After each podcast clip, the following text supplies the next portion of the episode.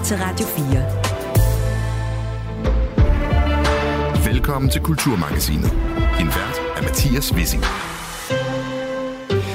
Og så er der endelig et øh, nyt om den længe ventede museumsreform, der kan få stor betydning for alle os, der godt kan lide at gå på museum en gang imellem. I går udkom de museumsanbefalinger, der skal lægge grund til en ny museumsreform.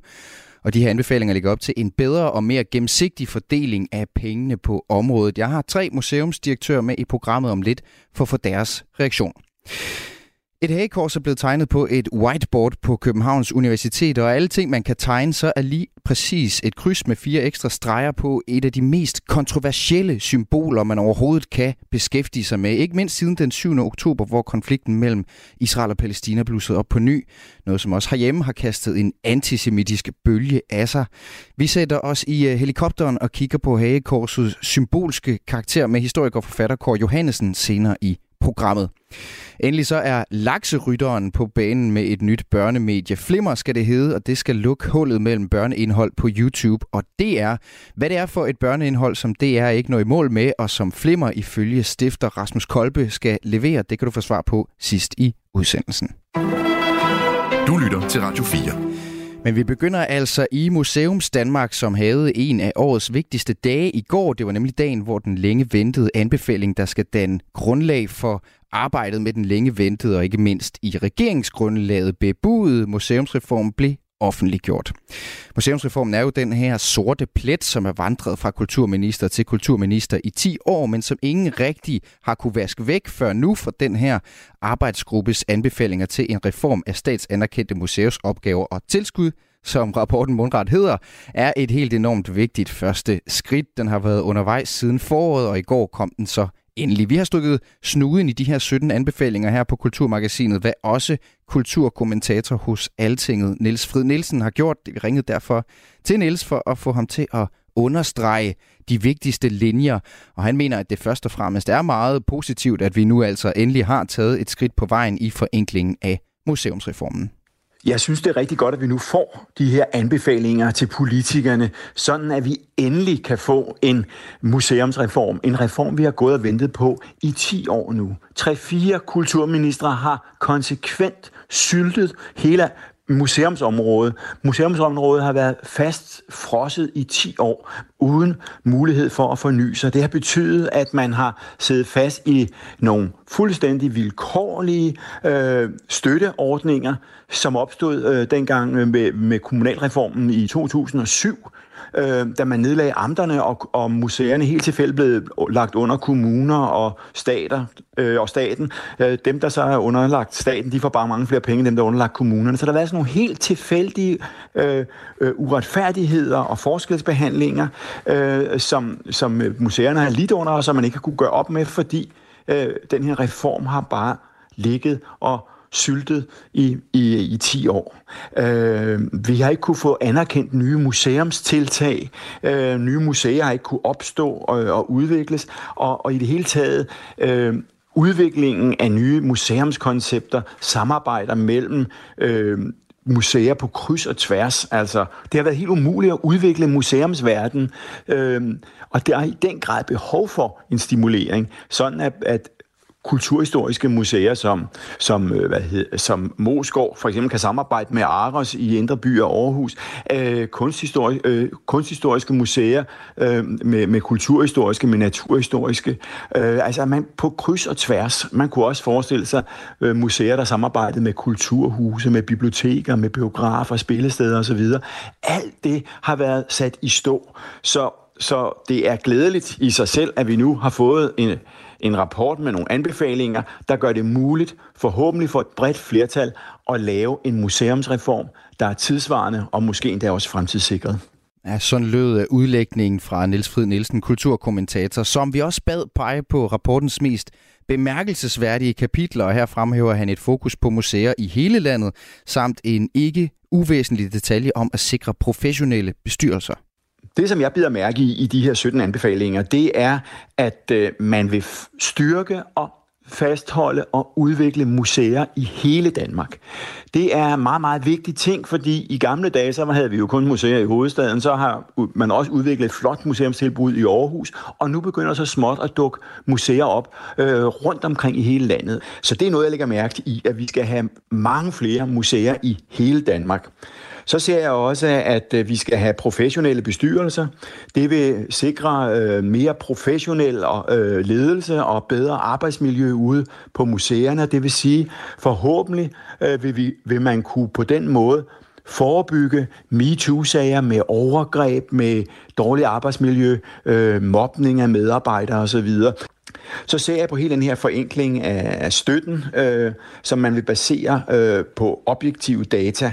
Det er nok noget, man skal, man skal diskutere nærmere, fordi øh, får man nu det hele med. I stedet, for, I stedet for fem kriterier, så vil man have tre kriterier, man vil kigge på, men man nævner ikke for eksempel, hvordan skal man stå for vedligeholdelsen af museerne. Øh, et stort problem i den danske museumsverden, det er, at, øh, at der står øh, nede i lagerne, der står alle de gamle værker, hele grundstammen øh, af museernes øh, øh, indhold, deres værker, de står dernede. Hvordan de skal få råd til at vedligeholde dem. Så, så, så der, der er en række initiativer, og, og også nogle af, nogle af initiativerne vil, vil, vil fremtidssikre, men, men, men der er jo mange ting, øh, man, øh, der, der, der ikke står i, i de her øh, anbefalinger, der altså mest handler om støtteordninger, og så hvordan man skal formulere museernes opgaver sagde øh, Niels Frid Nielsen, kulturkommentator. Og så kan jeg sige velkommen til tre personer, der også har stukket snuden i den her rapport. Det kan nemlig få konkret betydning for, hvordan fremtiden for deres museer ser ud. Først velkommen her i studiet til dig, Thomas Blok Ravn, museumsdirektør i Den Gamle By. Tak for det. Og også velkommen til et par øh, menneskestemmer over digitale forbindelser, som begge tilhører museumsdirektør Julie Rockher Birk fra Museum Jorn og Lisette Vind Ebbesen fra Skagens Kunstmuseer. Velkommen til begge to. Tak. Tak for det. Lad mig lige indledningsvis få et par overordnede reaktioner, og lad os øh, begynde hos dig og Museum Jorn, øh, øh, Julie. Hvad, hvad er dit første indtryk af den her, den her rapport og de her anbefalinger? Jamen, jeg er glædeligt overrasket, og, og jeg synes, det er godt, at man virkelig tager tyren ved hornene. Jeg synes, det er en egentlig for mig øh, overraskende konkret øh, rapport. Øh, jeg synes, det er modigt, at der bliver lavet de her konsekvensberegninger, hvor man egentlig siger, nu, øh, nu vil vi noget, nu vil vi noget nyt. Så, så først og fremmest vil jeg, vil jeg egentlig give udtryk for, at jeg er glad, fordi jeg tror, øh, jeg tror kommer der til at ske noget. Eller mm. det, det tyder alt på. Og hvad er sådan din uh, tidlige indikation? Hvad var mavefornemmelsen, da du sad og læste anbefalingerne her, i forhold til, hvad hvilke konsekvenser det kan, det kan ske at få for, for, for jer i Silkeborg? Altså jeg vidste jo godt, at det man ville sikre, det var en, en mere, ikke bare øh, gennemsigtig fordeling, men egentlig også en mere fair fordeling i, i forhold til den nationale opgavevaretagelse. Så jeg havde forventet, hvad kan man sige, at, at, at det ville øh, øh vende til den gode side for Museum Jorn, fordi øh, Museum Jorn er blandt de, øh, den tredjedel af landets museer, der har fået mindst i støtte, altså det her grundniveau på cirka en million. Og det er på trods af, at det jo er det museum i landet med den næststørste kunstsamling efter SMK, og, og vi har vældig mange besøgende, så det har ikke, altså, der har slet ikke været sammenhæng mellem hvad kan man sige, vores lovmæssige ansvar, og så det tilskud, vi har modtaget. Du var, med, du var med jeg andre havde forventet blevet, et blevet positivt skuffet. resultat. Du var ja. med andre ord blevet skuffet, hvis der ikke har været ja, et eller andet i posen, øh, udsigt til et eller andet i posen til dig. Ja. Thomas Blok Men altså, man skal sige, det her det er jo for, Ja, vi vender tilbage til dig, Julie. Der er en lille forsinkelse på, men vi vender tilbage til ja. dig øh, senere i interviewet her. Jeg skal nemlig også lige omkring dig, Thomas Blok Ravn, museumsdirektør i, øh, i Den Gamle By, som sagt. Hvad hæftede du der først og fremmest ved, da du, øh, da du stak snuden i anbefalingerne her? Øh, min bekymring, den fordampede også. Altså selvfølgelig er der nok nogle ting, der skal arbejdes med, og noget, der skal justeres. Men grundlæggende synes jeg, det er et meget seriøst arbejde. Og øh, jeg noterer mig, at der er tre parametre, som bedømmer museerne på det, de leverer. Ikke hvor de ligger, og heller ikke hvem de er, men på det, de rent faktisk leverer. Altså, mm. når de ud til folk, kommer, mm. er, der, er, der, er der mange, der får glæde af museerne, er fagligheden i orden, og formår de selv også at skaffe midler. Og det synes jeg egentlig er meget seriøst, og jeg synes, det er vigtigt også, at i hvert fald i uh, to af modellerne, der ser man, at det er helhedssynet, det er sammenhængen mellem de tre. Alle tre er vigtige, fordi man kan jo sige, at et godt museum der, der er kvalitativt er godt, men uden besøgende, er det så et godt museum? Mm. Eller et, øh, et museum med mange besøgende, som ikke har den faglige standard, er det et godt museum. Og derfor synes jeg, at sammenhængen mellem øh, de her tre områder er meget, ja. meget vigtig. Og det er også, du foregriber også netop øh, de her forskellige tilskudsmodeller, som de, øh, som de ligger op til anbefalingerne. Det kan vi også vende tilbage til netop, hvordan det er lige, de er strikket sammen, og hvordan, øh, hvad, hvad, hvad konsekvenserne er af den ene og den anden model. Men jeg kunne også godt lige tænke mig at komme til Skagen en tur. Lisette Vind Ebbelsen op til dig op ved Skagens Kunstmuseer. Øh, hvad, hvad, hvad, hvad tænkte du? Nu har vi hørt fra, fra både Thomas og fra Julie. Hvad tænkte du først og fremmest, da du øh, åbnede øh, pdf-filen her med de her anbefalinger? Jamen, jeg vil faktisk også gerne starte med at rose, øh, altså først og fremmest til kulturministerens tilgang til den her øh, jo meget svære opgave, som det er. Altså, at han har valgt at tage fat i at forme en helt ny museumsreform. Øh, og også til den opgave, som han har stillet arbejdsgruppen. Og jeg synes faktisk, at arbejdsgruppens visioner for det fremtidige danske museumslandskab er ambitiøse øh, og langt hen ad vejen også modige og helt rigtige. Men jeg har også et men. Jeg tror, vi har brug for en, øh, altså en seriøs og en åben diskussion om, hvad det er, der er de rette parametre mm. øh, for tildelingen af de her statsmidler. Mm. Og lad os, øh, lad os tage hul på den lige om lidt, men jeg vil godt lige for, for lytternes skyld, delvis for min egen, jeg tror, I har styr på det, men for mange andre, så vil museumsreformen være kompleks stof. Det er jo på mange måder sådan en politisk varm kartoffel, fordi det kan være svært at lande en reform på det her område, som vil gøre alle glade. Der er alle mulige interesser på spil. Diskussionerne de går blandt andet på, at der har været en, altså en skævhed i den måde, som, som de penge, der gives i støtte til statsanerkendte museer fordeles på. Det var også noget, det Niels Frid Nielsen var inde på. I, øh, i øh, rapporten her, så har arbejdsgruppen i alt 17 anbefalinger. Vi kan ikke nå ind i dem alle sammen, men vi kan nå et par stykker af dem, og helt overordnet kan man sige, at Arbejdsgruppen anbefaler en forenklet og mere opdateret beskrivelse af museernes opgaver. Det synes jeg også var noget af det, du var inde på, Thomas Blokravn. Arbejdsgruppen anbefaler også at indføre minimumskrav, så statsanerkendte museer skal leve op til, øh, både for at opnå og øh, bevare øh, en, en statsanerkendelse, altså den her status som statsanerkendt museum. Og endelig så anbefaler arbejdsgruppen flere modeller for tilskud, som skal sikre en mere gennemsigtig og enkel, enkel tilskudsstruktur end, end den, der har været i rigtig, rigtig mange år.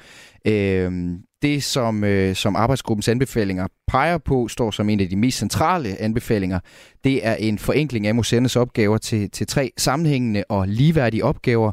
Det, de kalder samlingsudvikling, vidensudvikling og formidling, hvor man tidligere havde fem, indsamling, registrering, bevaring, forskning og formidling.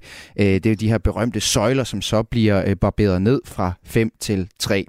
Julia Rockkjær Birk øh, hos Museum Jorden, hvor du er direktør, altså hvad kommer det mm. til, at, til at betyde? Hvordan afkoder du det?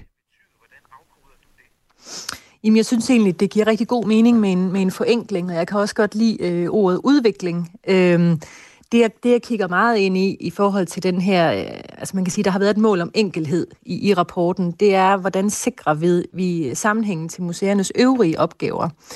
Øhm, og øhm, fordi, hvad er målet med det her? Målet må være at sikre, at museerne udvikler sig og bliver del af vores samfund. Og det, som jeg kan øh, bekymre mig omkring, når man kigger på, hvad kan man sige, det, der hedder vidensudvikling, det er jo, at øh, hvad, hvad er det for nogle parametre, der bliver målt på? Altså der er vi nødt til at kigge bredere på, hvad er museumsforskning? Altså, fordi lige nu, der, der står det jo som, hvad kan man sige, øh, altså BFI-værdier, altså lever, lever museerne op til publicerede artikler efter universiteternes standarder, og der bliver med produceret meget forskning på museerne, som ikke er peer-reviewed. Mm. Og der tror, jeg, der tror jeg, der vil komme en, diskus- en politisk diskussion her efterfølgende. Altså hvad man mener med de der konkrete noget, der... krav til forskning?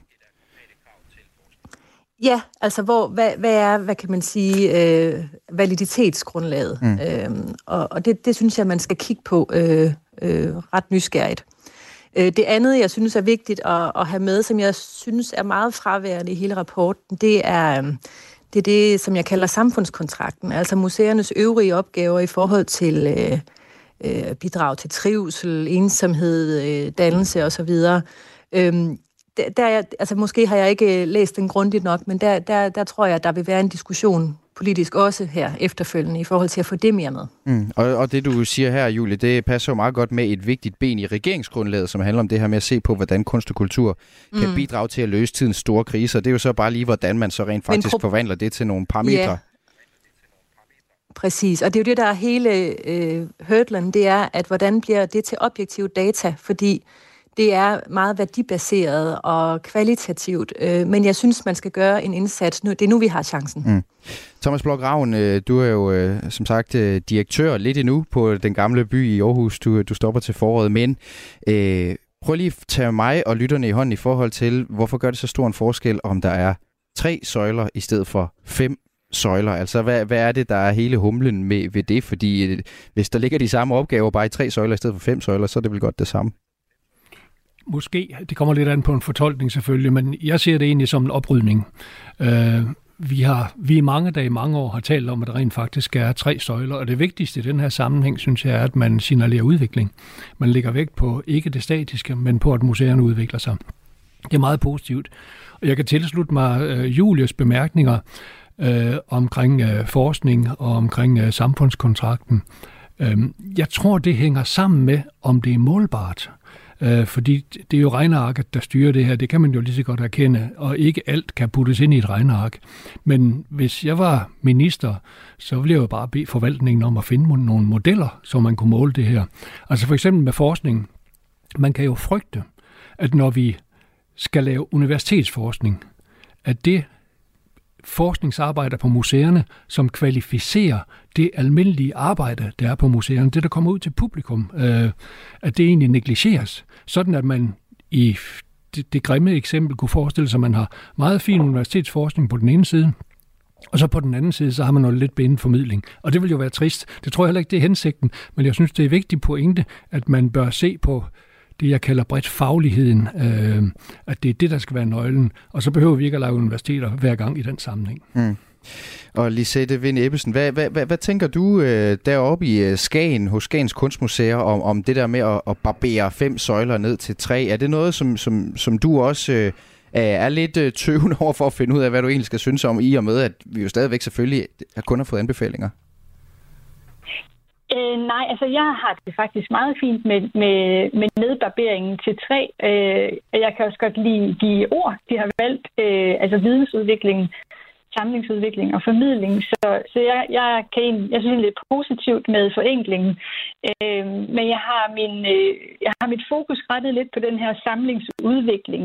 Og det er også i forhold til, at øh, det synes jeg er meget, meget positivt. Det synes jeg også, det er meget fint i tråd med ICOMs øh, relativt nye museumsdefinition, det her med, at, øh, at museerne betragtes også som samfundsinstitutioner, øh, og at vi har øh, et ansvar over for vores omverden, som også rækker videre end, end bare i situationstegn og, og vare at passe på en samling. Øh, men når vi er over i det her med samlingsudvikling, så bliver jeg også nødt til at pege på, at for at vi kan udvikle vores samlinger, så kræver det altså også, at vi først og fremmest kan varetage dem. Øh, og jeg tror også, at det, jeg synes, det var det, Frid han lige var lidt inde på. Han, jeg tror, han kaldte det vedligeholdelse. Men, men ned, under, ned under det her med samlingsudvikling, der synes jeg i hvert fald, der ligger et vigtigt parameter, der hedder samlingsvaretagelse. Og det kan jeg ikke rigtig se er indberegnet i nogle af modellerne, så det savner jeg. Og prøv lige at forklare øh, for lytterne og for mig, hvad er, det, hvad er det konsekvenserne er af det, hvis der ikke bliver taget højde for varetagelse af samlingerne? Jamen altså, øh, det, det er jo selvfølgelig, at øh, øh, altså, øh, der er forskel på, om en samling rummer 400 værker, eller 20.000, eller endnu flere øh, genstande, og der er også nogle bygningsmasser øh, rundt omkring de her samlinger, øh, indimellem endda nogle fredede bygninger. Så det her med at hele tiden sikre, at samlingen har det godt, øh, det kan også være i forhold til øh, konserveringstilstand og øh, hvordan har værkerne det egentlig. Det er selvfølgelig en meget stor del af at, at tage vare på en samling. Mm. Og det, det, det mangler jeg, at der er nogle beregninger omkring og noget støtte til. Og det skal vi have nogle øh, penge til, for det koster penge, den slags ting. Selvfølgelig gør det det, og lad os derfor gå videre til netop de her med tilskuddene. Øh, noget, der ikke er helt lige meget, fordi det koster penge at drive museum, og det beløb, som et museum har til rådighed ved, selvfølgelig også få en konsekvens for alle os, der gerne vil på museum og se gode udstillinger. Øh, tidligere så er museumsloven jo blevet beskyldt for at være uigennemsigtig i forhold til de her tilskud, hvad der fik regeringen til at skrive i regeringsgrundlaget tilbage i, i december, det er snart år siden, at det er et erklæret mål, at jeg citerer, reformere forældet lovgivning, rydde op i tilsandede strukturer og styrke kulturlivet i hele landet. Som en del af dette arbejde vil regeringen blandt andet gennemføre en museumsreform, der åbner for flere statsanerkendte museer, og så er det det her med, at det skaber en mere retfærdig og gennemsigtig fordeling af museumsmidlerne. Den gennemsigtighed har arbejdsgruppen her så øh, anbefalet at skabe ved at være mere dynamisk i tilskudsmodellerne, som de foreslår består af enten en trappemodel, øh, hvor tilskuddene så tildeles ud fra det niveau, det enkelte museum, for eksempel den gamle by, løser opgaverne samlet set på, eller en byggeklodsmodel, hvor tilskuddene tildeles penge ud fra det niveau, det enkelte museum, for eksempel den gamle by Aarhus, løser de enkelte opgaver på. Thomas Blågraven, øh, hvad, hvad, hvad, hvad tænker du om, om de her to modeller, der bliver lagt op til? Hvad, hvad er det mest hensigtsmæssige for at få strikket en mere gennemsigtig museumslov øh, sammen? Der synes jeg, at helhedssynet er meget vigtigt. Øhm, jeg forsøgte at illustrere det før ved, at en, øh, en øhm, trappemodel, den tager hensyn til, at man skal øh, vurderes på alle øh, alle tre punkter, og man skal være god på alle tre punkter. For ellers ved den anden model, hvad, hvad er det, den hedder? Det. Byggeklodsen der. Byggeklodsmodellen, ja. ja, det er sådan nogle meget smarte ord. øhm, øh, men den kan jo i videste, eller i, i det uheldige øh, eksempel, der kan det jo resultere i, at vi har gode museer uden gæster, og museer med mange gæster mm. uden kvalitet. Og det vil jo være uheldigt. Hvis jeg nu lige skal udfordre det, altså er der ikke også en pointe i, Thomas Flok Ravn, at et museum Altså kan et museum ikke rent faktisk være godt og vigtigt, uden at der vælter gæster ind? Det er jo sådan lidt en diskussion i, i kunsten og kulturen altid, altså om man altid nødvendigvis skal være bred for at være god. Jeg siger ikke, man skal være bred, men man skal være til glæde for nogen. Det er jo det, er jo det vi leverer over for dem, som bruger museet, som besøger museet, som har glæde af det øh, på anden vis. Hvis vi ikke var til for dem, hvad skulle vi så være her for? Mm. Hvad tænker I om, om det her oppe i øh, Skagen, Lisette Vind øh, Ebbesen? Altså, er du til trappemodellen eller byggeklodsmodellen, de her to, øh, de her to gode billeder for, hvordan man kan få tilskud som museum?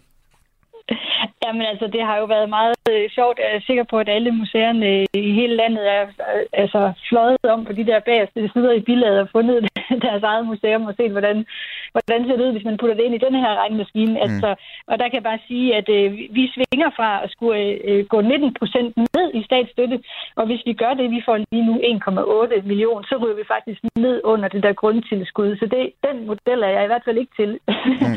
øhm, nej, men altså, jeg, jeg synes sådan set, at det er, jeg synes, det er rigtig fint, at, øh, og det er også den eneste måde, vi kan løse det på, det der med, at vi skal måles på nogle parametre. Jeg stiller bare spørgsmålstegn ved, øh, om det nu er de rigtige parametre, vi har i spil, og det håber jeg, at der kommer en, øh, en rigtig god øh, og åben øh, debat omkring her den kommende tid, sådan så vi kan få nogle flere parametre i spil. Og jeg ved godt, at der på nogle områder mangler data og at vi også meget gerne vil have, at det bliver kvantitativt og sådan nogle ting. Øh, men men som, øh, som Thomas også er lidt inde på, jamen det må der være nogen, der kan hjælpe os med. Mm. Og hvem skal det være, Thomas? Eller hvordan skal, hvordan skal det se ud for, at det bliver en succes? Jamen, det er, jo, det er jo nogle politikere, der stiller nogle krav. Men der er en ting, jeg har noteret mig, sådan når man har diskuteret museer gennem mange år. Det er, at rigtig mange politikere siger, det er vigtigt, at museerne når ud til flere end det sædvanlige kulturpublikum.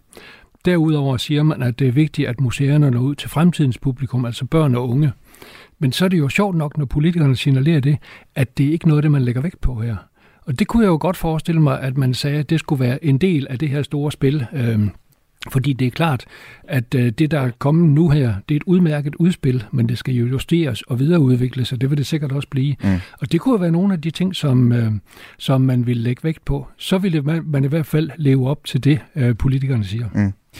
Julie Rockher Birk, der i Silkeborg på Museum Jorden, så er I heller ikke helt tosset med, mm. med byggeklodsmodellen, kan jeg forstå på dig. Du er også, hvis du skal vælge til trappemodellen, altså hvor det enkelte museum bliver vurderet på, hvordan det samlet set løser opgaverne. Hvordan, øh, hvordan, hvordan kan det være? Jamen, jeg, jeg har simpelthen valgt at kigge, altså lade være med at kigge på det sådan egoistisk. Altså, jeg, jeg, jeg kigger meget langsigtet i forhold til den her udvikling af museerne.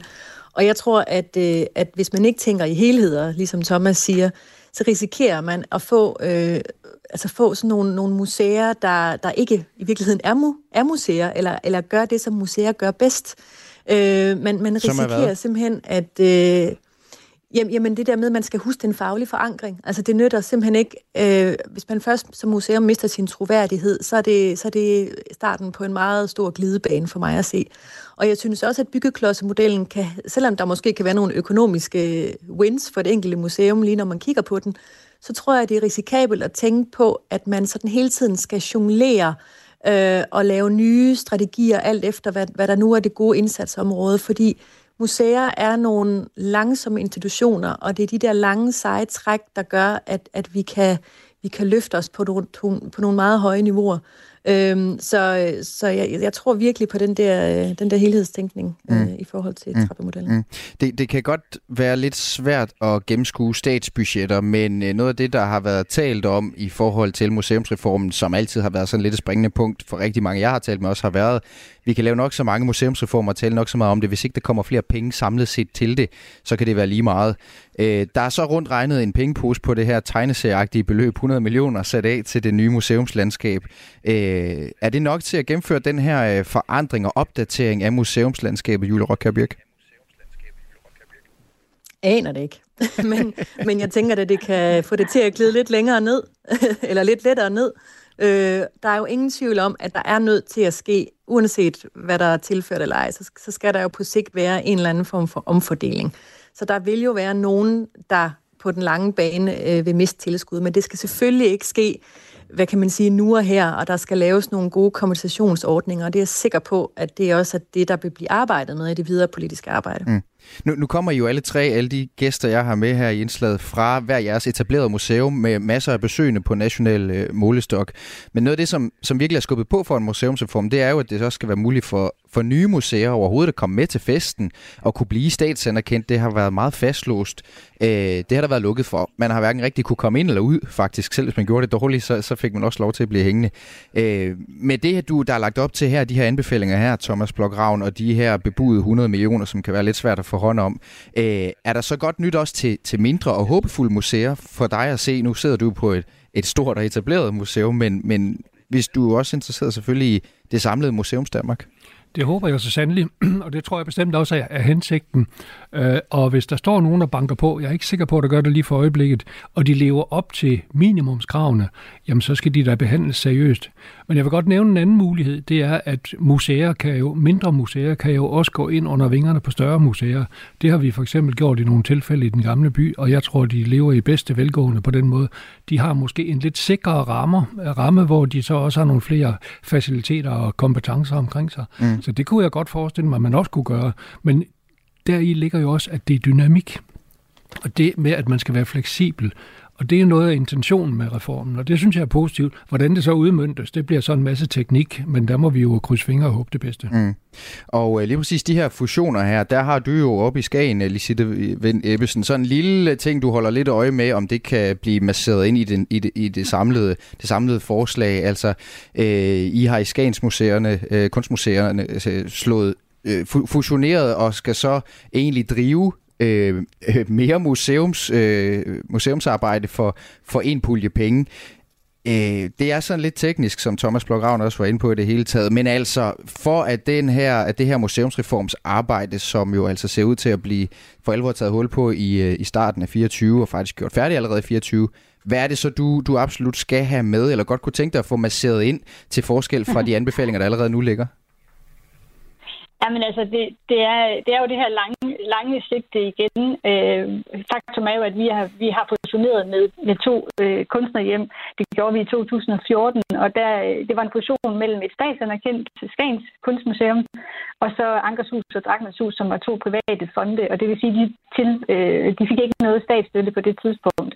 Øh, den fusion er jeg meget, meget lykkelig over at have fundet sted, og det er virkelig et, øh, sådan et, et et ægteskab baseret på kærlighed, øh, men der er ikke fuldt så mange, øh, så mange midler med, så vi, vi klarer os øh, lige nu stadigvæk for, for en lav statsstøtte, som egentlig er givet til et museum, men selvom det så er blevet til tre museer, der sådan set er blevet statsanerkendt alle sammen. Og der er ikke nogen tvivl om, at det har været et kæmpe løft for de to kunstnerhjem, men selvfølgelig er det interessant at se øh, det her med, hvad med dem, der så rent faktisk er fusioneret i en periode, øh, hvor der ikke har kunnet ske øh, nye statsanerkendelser.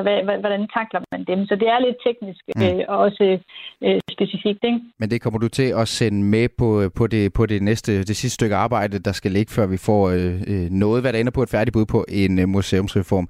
Afsluttende kommentar for dig, Thomas Blok Ravn. Jamen, jeg synes, der er en, øh, et, et, et hjertesuk, der skal med, fordi man taler om, at man ser på det samlede museumslandskab. Det gør man jo ikke. De to største museer, eller i hvert fald de museer, der får flest statspenge, de er jo holdt udenfor. Det er jo de to statsejede museer, Statens Museum for Kunst og Nationalmuseet. Og som jeg ser det, så er det en rest, ja nu bliver jeg måske lidt, øh, lidt, lidt øh, firkantet, men det er en rest fra enevælden, som vi ikke har fået ryddet op i. De bedømmes ikke på, hvad det leverer.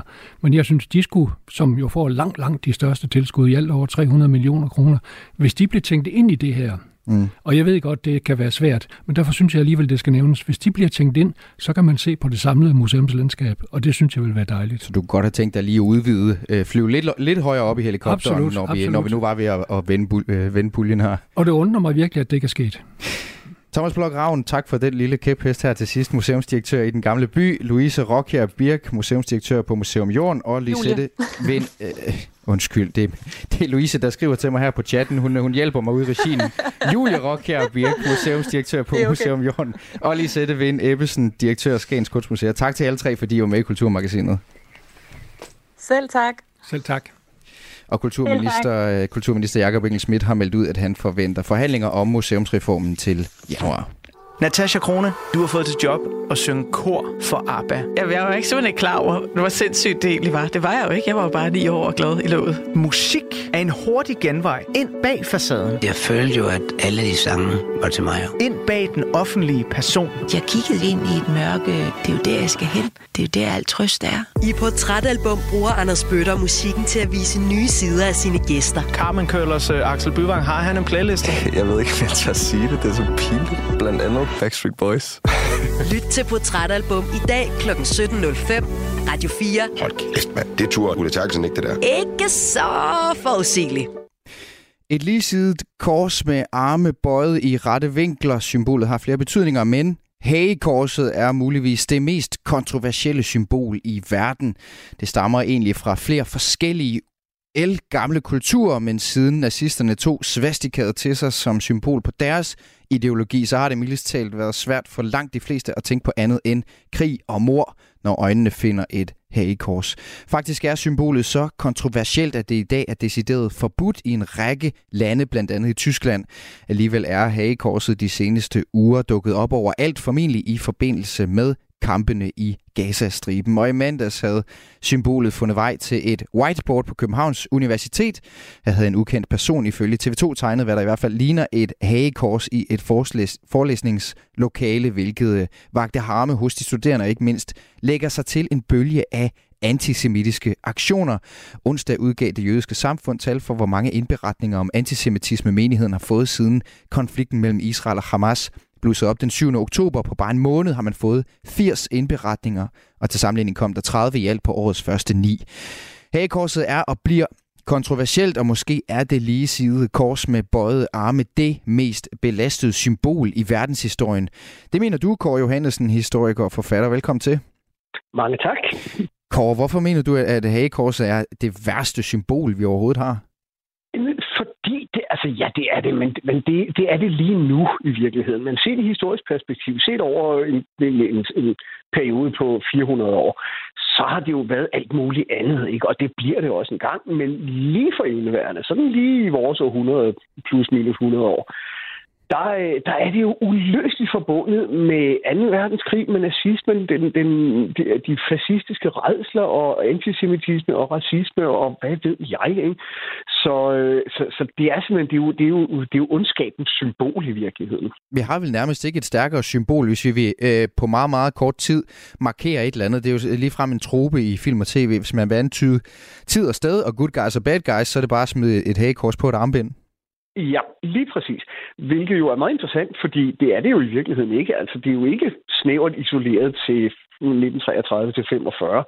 Det er jo et symbol, der går afsindig langt tilbage i tiden og har haft alle mulige andre betydninger. Så det er den version, vi kender lige nu, og det er de, den signalværdi, vi lægger i det lige i øjeblikket.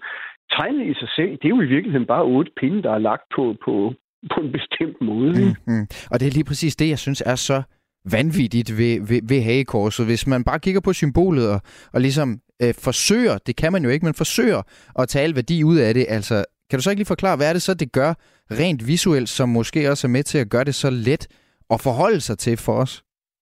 Jamen, for det første, så er det jo et øh, grafisk afsindig veludført øh, symbol, fordi det er lynhurtigt at afkode. Du kan simpelthen lige med det samme se, det her det er et hagekors. Og så er der øh, et hav af associationer, som helt automatisk følger med. Man, man skal ikke tænke over det, man skal ikke reflektere, man skal ikke sætte sig ned og huske, at når ja, det var noget med sådan og sådan og sådan. Det kommer helt på ryggraden, det der med, at hagekorset, bing, så, har vi, så, så er vi tilbage i 2. verdenskrigsret. Mm, mm. Og, og der er jo mange øh, frygtelige billeder på 2. verdenskrig, og ikke mindst Holocaust, Shoah. Men, men hagekorset mm-hmm. er ligesom blevet det universelle. Øh, har den her forbindelse til et, et, et verdenshistorisk absolut lavpunkt været med til også at, at lave symbolet så meget, som det jo er? Jamen, det har det da i allerhøjeste grad, fordi i sig selv er det jo, altså et symbol er jo ingenting. Et symbol er det, vi vælger at lægge i det, ikke? Det, vi, det vi læser ind i det. Ellers så er det jo bare en grafisk figur, og det gælder jo alle symboler. Det gælder også det kristne kors, eller Dannebro, eller hvad, hvad det nu kan være. Ikke? Mm. At, at det er jo bare en figur. Mm. Så det er de værdier, vi læser ind i det, der, der betyder noget. Mm. Og de værdier, der har ligget i øh, svastikadet gennem tiden, jamen det, det, det er jo først blevet de nazistiske med nazismens fremvækst. Ikke? Mm. Øh, man, man, man havde det i, herhjemme i 1800-tallet, hvor det var, var temmelig udbredt. Og vi havde det i vikingetiden, og man havde det i Asien for, for 2000 år siden. Øh, så det har været brugt rigtig mange steder, og vi har ikke nødvendigvis nogen idé om, hvad man oprindeligt lagde i det, men, men det har ikke været nazisme, fordi nazismen den er jo uløseligt knyttet til netop midten af det 20. århundrede. Mm. Er det, altså, der er mange, som vil reclaime hagekorset. Der er dels dem, som bruger det, fordi at, at de vil abonnere på, på den ideologi. Mm-hmm. Øh, men ja. men, men øh, dem, som, som så siger, at svastikaet jo også er meget andet, og ligesom insisterer på, at det ikke nødvendigvis er, øh, er fordi, at man sympatiserer med nazister. Øh, mm-hmm. Altså, øh, er det bare mig, Kåre? Eller er det sådan lidt med at, at med vilje lukke øjnene over for et eller andet? Altså kan man godt på den måde tage symbolet og isolere det fra den betydning, som du siger, det er, symbolet er jo, er, jo, er jo ikke noget i sig selv. Det er jo alt det, vi nej, lægger nej, i det. Men lige præcis nej. hagekorset, altså kan det forsvares overhovedet at bruge, øh, uden, at, uden at man tager højde for de her konnotationer, mm-hmm. der selvfølgelig ligger i det, som, som stammer fra nazisterne? Altså, man, man kan sige, at der er jo rent faktisk nogen, der har prøvet på det, ikke? fordi det finske luftvåben, de brugte det jo frem til, jeg mener først det er 2020, de holder op med at bruge det. Og det har vi ikke suk med nazismen at gøre. Det er, det, det er før Hitler, de begynder at bruge det symbol der. Ikke? Mm. Øh, men der er den der klassiske finske sammenbitte stedighed, at nul, det er vores. Mm. Det, det, det, det skal de ikke komme og pille ved. Så der har man simpelthen blevet ved med at holde fast i at bruge det helt frem til ja, et par år siden, eller sådan noget der. Ikke? Mm. Øh, og på en måde, så synes jeg, det er beundringsværdigt at være så stedig. Mm. På den anden side, det er altså også lidt tonedøvt på en mm. eller anden måde. Ikke? Fordi hvad man end lægger i det selv, så ved vi godt, hvad folk ser, mm. når, når man kigger på det. Ikke? Mm. Og det kan godt være, at du mener noget andet med det, men det er ikke det, folk ser, når, øh, når, når, når de støder på det. Jeg har jo selv haft fornøjelsen af at arbejde med øh, at formidle vikingetid, hvor vi også var lidt omkring den der med, men altså, vi burde egentlig tage, tage symbolet tilbage og vaske den der fæle nazisme af det. Men, men det kan vi ikke. Altså det, det, øh, om, om 100 år måske, men, men i dag der er det simpelthen så meget syltet ind mm. i, øh, i Hitler. Ja. Så, så, så det, er, det, det, det er en tabt kamp. Vi kan, vi kan ikke sådan isolere det fra verdenshistorien på nej, den måde. Nej, nej. Men, ligger der lige frem for andre, øh, Kåre Johannesen, en tiltrækningskraft i, at hagekorset som symbol har fået den her enorme historiske tyngde? Altså hvis man, hvis man nu... Øh, øh, hvis man nu ikke helt ved, hvor er lidt rodløs eller er lidt søgende i mhm. tilværelsen, mm-hmm. altså kan hagekorset ja. så være et eller andet, hvor man tænker, her ligger noget, en klarhed, en tydelighed, som jeg som man kan næsten få lyst til at abonnere på, alene fordi der ligger den her tyngde også i symbolet? Altså, der er jo altid sådan en, øh, en vis hang til at være kontrær, til at sige noget, som folk bliver fornærmet over, mm-hmm. til at trænge ind i det gode selskab og råbe prut. Øh, og, og, og det er klart, det opnår man i, i spektakulær grad, hvis man begynder at vifte med, med, øh, med hagekorsflaget. Ikke? Mm-hmm. Men, men der er jo også nogle praktiske sider af det, fordi det er da meget billigere at gå ind hos tatovøren og få tatoveret et hagekors i panden, end det er at få tatoveret, jeg er en fladpandet stupid idiot. Ikke? Det går meget hurtigt at få lavet et hagekors. ja, hvis, ja, det kan man sige, hvis nu var det, man havde lyst til at kommunikere med sine tatoveringer i hvert fald. øh, men jeg kan ikke lade være med, at i forlængelse af det, du siger, altså man støder på det her symbol, selvom at det er så grænseoverskridende, så ondt på en eller anden måde, der er så mange, ja. så grusom en verdenshistorie bag, så støder man mm. på det ret ofte. Ja. Man skal ikke opholde sig ved mange folkeskoleborde eller på gymnasietoiletter eller et eller andet for at støde på det. Har det nærmest sådan noget Tourette-effekt over sig? Jamen, der, altså, der, fidusen er jo, at der er jo en grund til, at nazismen vælger det her øh, tegn. Fordi nazismen er ond og fæl og nederdrægtig i ubeskrivelig grad. Det kan der ikke være nogen som helst diskussion om. Men de er jo ikke dumme, altså. De er ret dygtige, særligt til det der med, med massemanipulation og til øh, profilering og så videre. Og det er simpelthen et, et, et, et sindssygt stærkt symbol, netop fordi det er så klokkeklart, og fordi det er så hurtigt og let at afkode. Mm. Og det er korset, så det sender nogle, nogle signaler om, om vesterlandske værdier og kristendom, men der er også det der knæk på, som viser, at det er, det er ikke det, det er noget andet, vi er ude i. Mm. Så, så, så der er sådan noget, der, der vækker noget nysgerrighed, som, som, eller noget opmærksomhed, måske ikke nysgerrighed, men, men, men som simpelthen, altså, det er bare et stærkt symbol på en mm. måde. Mm. Og for, for så at vende tilbage til, til hovedhistorien, Kåre Johannesen, øh, historiker forfatter, efter din bedste overbevisning, hvad er det så et udtryk for, når det netop bliver hævet frem i dag, brugt i dag, eksempelvis på, øh, som historien jo handler om, Københavns Universitet? Ja, altså nu, nu vil jeg vælge den positive tilgang og sige, at det er et symbol på, at der er brug for folk som mig. Fordi hvis man går rundt og tegner hagekors rundt omkring, så har man akut brug for en historiker. Det er simpelthen det mest tankeløse og historieløse, jeg overhovedet kan forestille mig. Mm. Og jeg tror vidderligt ikke, at de folk, der går rundt og sådan i et øjebliks ophidselse over et eller andet, der foregår i den anden ende af kontinentet, laver et hagekors, at de, hvis man spørger ind til det, rent faktisk er nazister. En god del af dem aner ikke, hvad nazismen i virkeligheden er. Det er mm. bare sådan noget, jeg er sur, og det her, det ved vi, det er der nogen, der, bliver, der reagerer på, hvis jeg tegner det her, bum, bum, mm. og så ryger den af der. Ikke? Mm. Så det er i virkeligheden meget mere at råbe brudt, end det er at, øh, at, at komme med sådan et, et politisk udsagn, eller et ideologisk udsagn. Ikke? Altså det er ligesom, da jeg var en glad ung mand under, tilbage under treårskrigen, der, øh, der, der kørte alle de seje drenge i deres læderjakker på knaller, de havde også gerne sådan et eller andet hagekors malet på læderjakken, eller sådan, og der var ingen af dem, der havde den fjerneste idé om, hvad det der handlede om. Mm. Det var bare sådan, at det så sejt ud, og de mm. voksne mm. blev sure. Ikke? Ja, ja. Og det må man sige, at det bliver det vækker rigtig stor harme, når, når man, når man øh, tegner, ikke at jeg går og gør det, men det kan jeg jo se, de gør. Øh, for eksempel på den her historie på, fra den her forelæs, forelæsningslokale på, på Københavns mm. Universitet. Ja, ja. Øh, prøv lige at høre, Kåre Johannesen, før jeg smider dig af telefonen her. Ved du så, hvilken dag det er i morgen, nu hvor vi snakker om verdenskrig? Mm-hmm. Ja, hvad er det for en dag? I morgen, ja. der er det Armistice Day. Det er den 11. november. Det er det, det Er, det er nemlig årsdagen for afslutningen af Første Verdenskrig. Og okay. skulle man være i nærheden af Sønderborg Slot, så kan man komme ned og hilse på mig der. Ja, hvad laver du dernede? jeg øh, spangulerer rundt som preussisk major i 1916 sammen med mine legekammerater og formidler Første Verdenskrig. Ja, fordi det er nemlig altså i morgen den 11. 11. kl. 11, øh, ja. 105 år siden, at øh, fredsaftalen trådte i kraft, øh, og, og den her øh, ekstremt blodige og stillestående krig, den, den jo endte.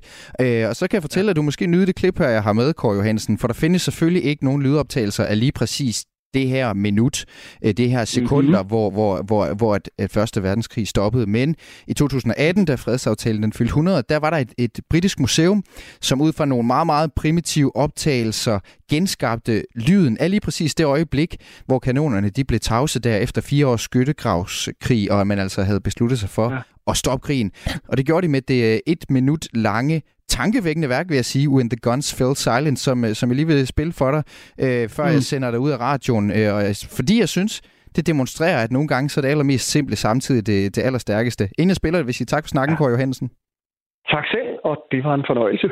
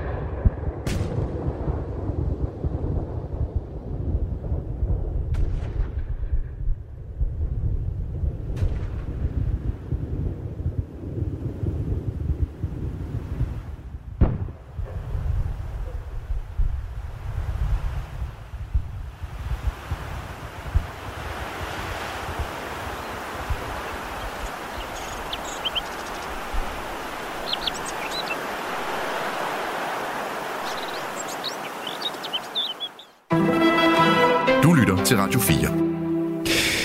Hvis du har en eller flere 6-12-årige i din husstand, som enten A ser for meget YouTube af for dårlig kvalitet, eller B har gennemført DR's børnetv, eller bare ikke gider det, så er der nu en ny aktør på vej. Flimmer hedder det kommende børnemedie, som netop har modtaget 1,1 millioner fra Innovationsfonden. Rasmus Kolbe og Maria Bové hedder folkene bag.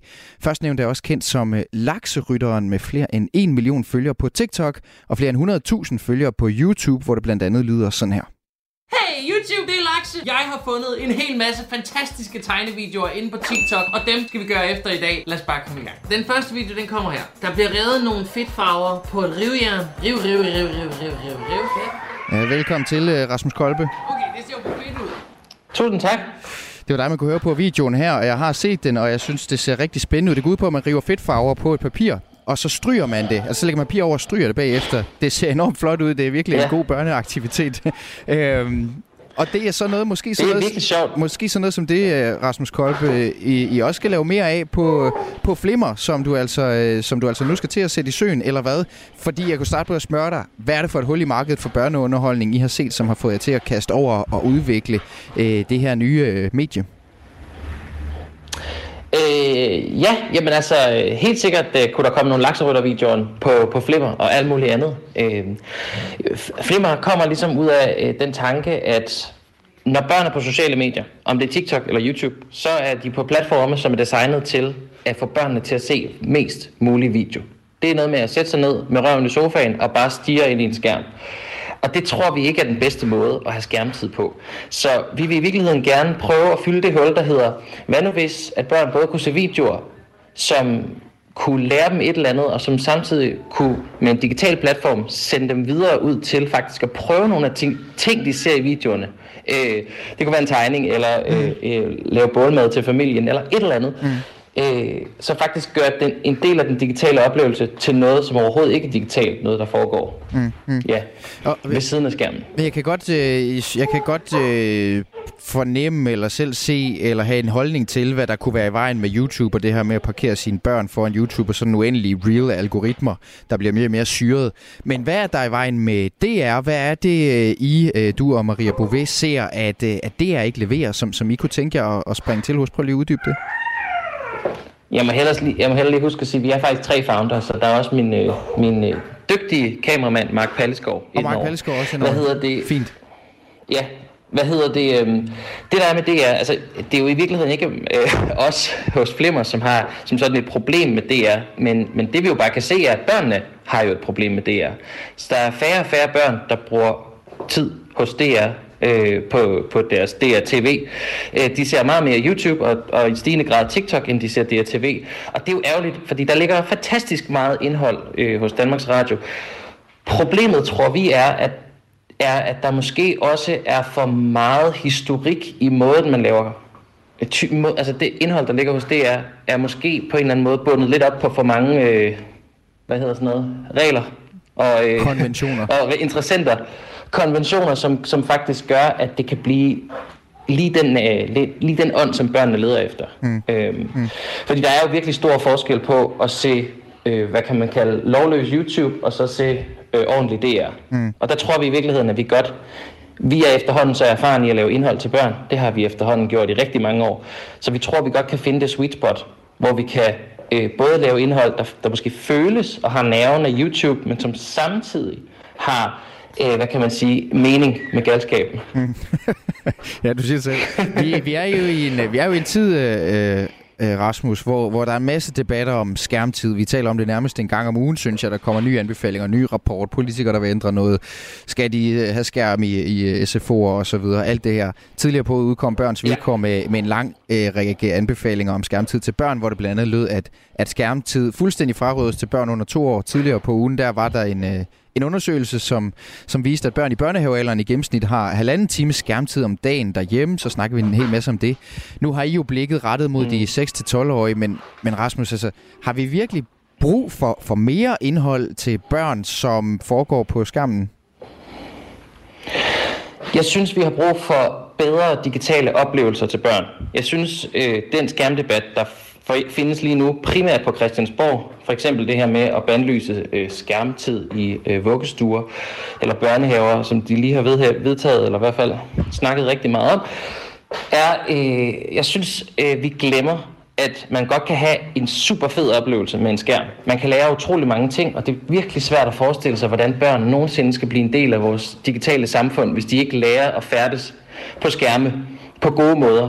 Øh, men problemet er jo, at Facebook, Instagram, YouTube, TikTok, de er jo ikke designet til børn. Det er plat- platform lavet i USA eller Kina, der er designet til et formål, og det er at vise brugerne så mange annoncer som overhovedet muligt. Og det er ikke en god barnepige. Mm.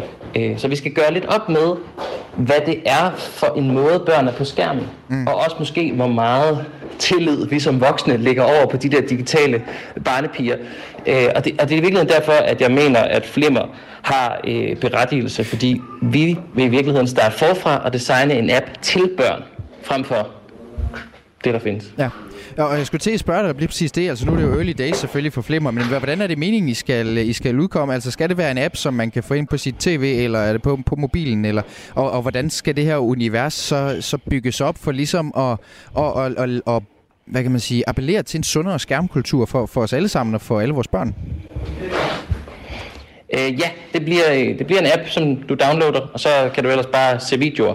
Øh, og øh, det er jo fordi, at vi jo i virkeligheden selv også er fan af sociale medier, og det er børn jo også. Øh, vi har bare et problem med udvalget, som findes lige nu. Mm.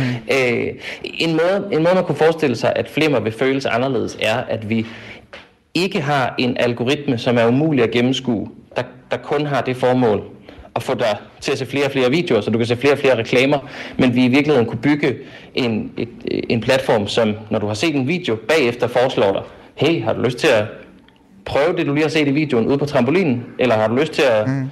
øh, løse den her tegneopgave, efter mm. du har set en tegnevideo. Mm. Så en, de, en decideret øh, opfordring øh, til at komme væk fra skærmen. En decideret opfordring som del af strategien, altså til at forlade mm egentlig det indhold, som I jo så skal, øh, ja, som I jo så producerer og egentlig, egentlig vil også skal leve af, at folk så kommer hen til?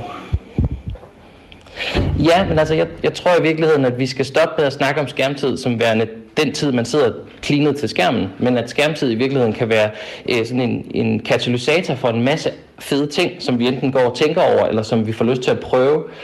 Så, så vi, øh, vi er ikke så interesserede i, at børn skal sidde og se og se og se. Vi er interesserede i, at børn skal lære noget. De skal udvikle nye kompetencer. Og det er jo det, børn i den alder, der 6-12 år, er allerbedst til. Det er at få gode idéer og prøve nye ting af, og de er jo fascineret omkring alt muligt. Så det er i virkeligheden, vi vil i virkeligheden gerne sørge, at sørge for, at de kan lege med deres skærm på den bedst mulige måde. Mm. Og I vil gerne have 5.000 brugere inden udgangen af 2024, har I meldt ud. Øh, nu har I så fået godt... Jeg vil også gerne have flere.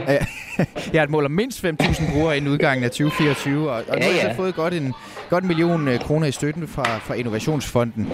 Øh, lad os bare sige det som det er. Det er jo ikke, øh, det er jo ikke sådan, I bare kan... kan øh, altså, det er jo ikke alverden, når man skal udvikle en app og et helt nyt medie, men det er stadigvæk en, en pulje penge. Hvad er næste øh, skridt? Det er jo ikke første skridt, for I har jo fået pengene, men hvad er næste skridt herfra i forhold til at få komme i gang med det hele?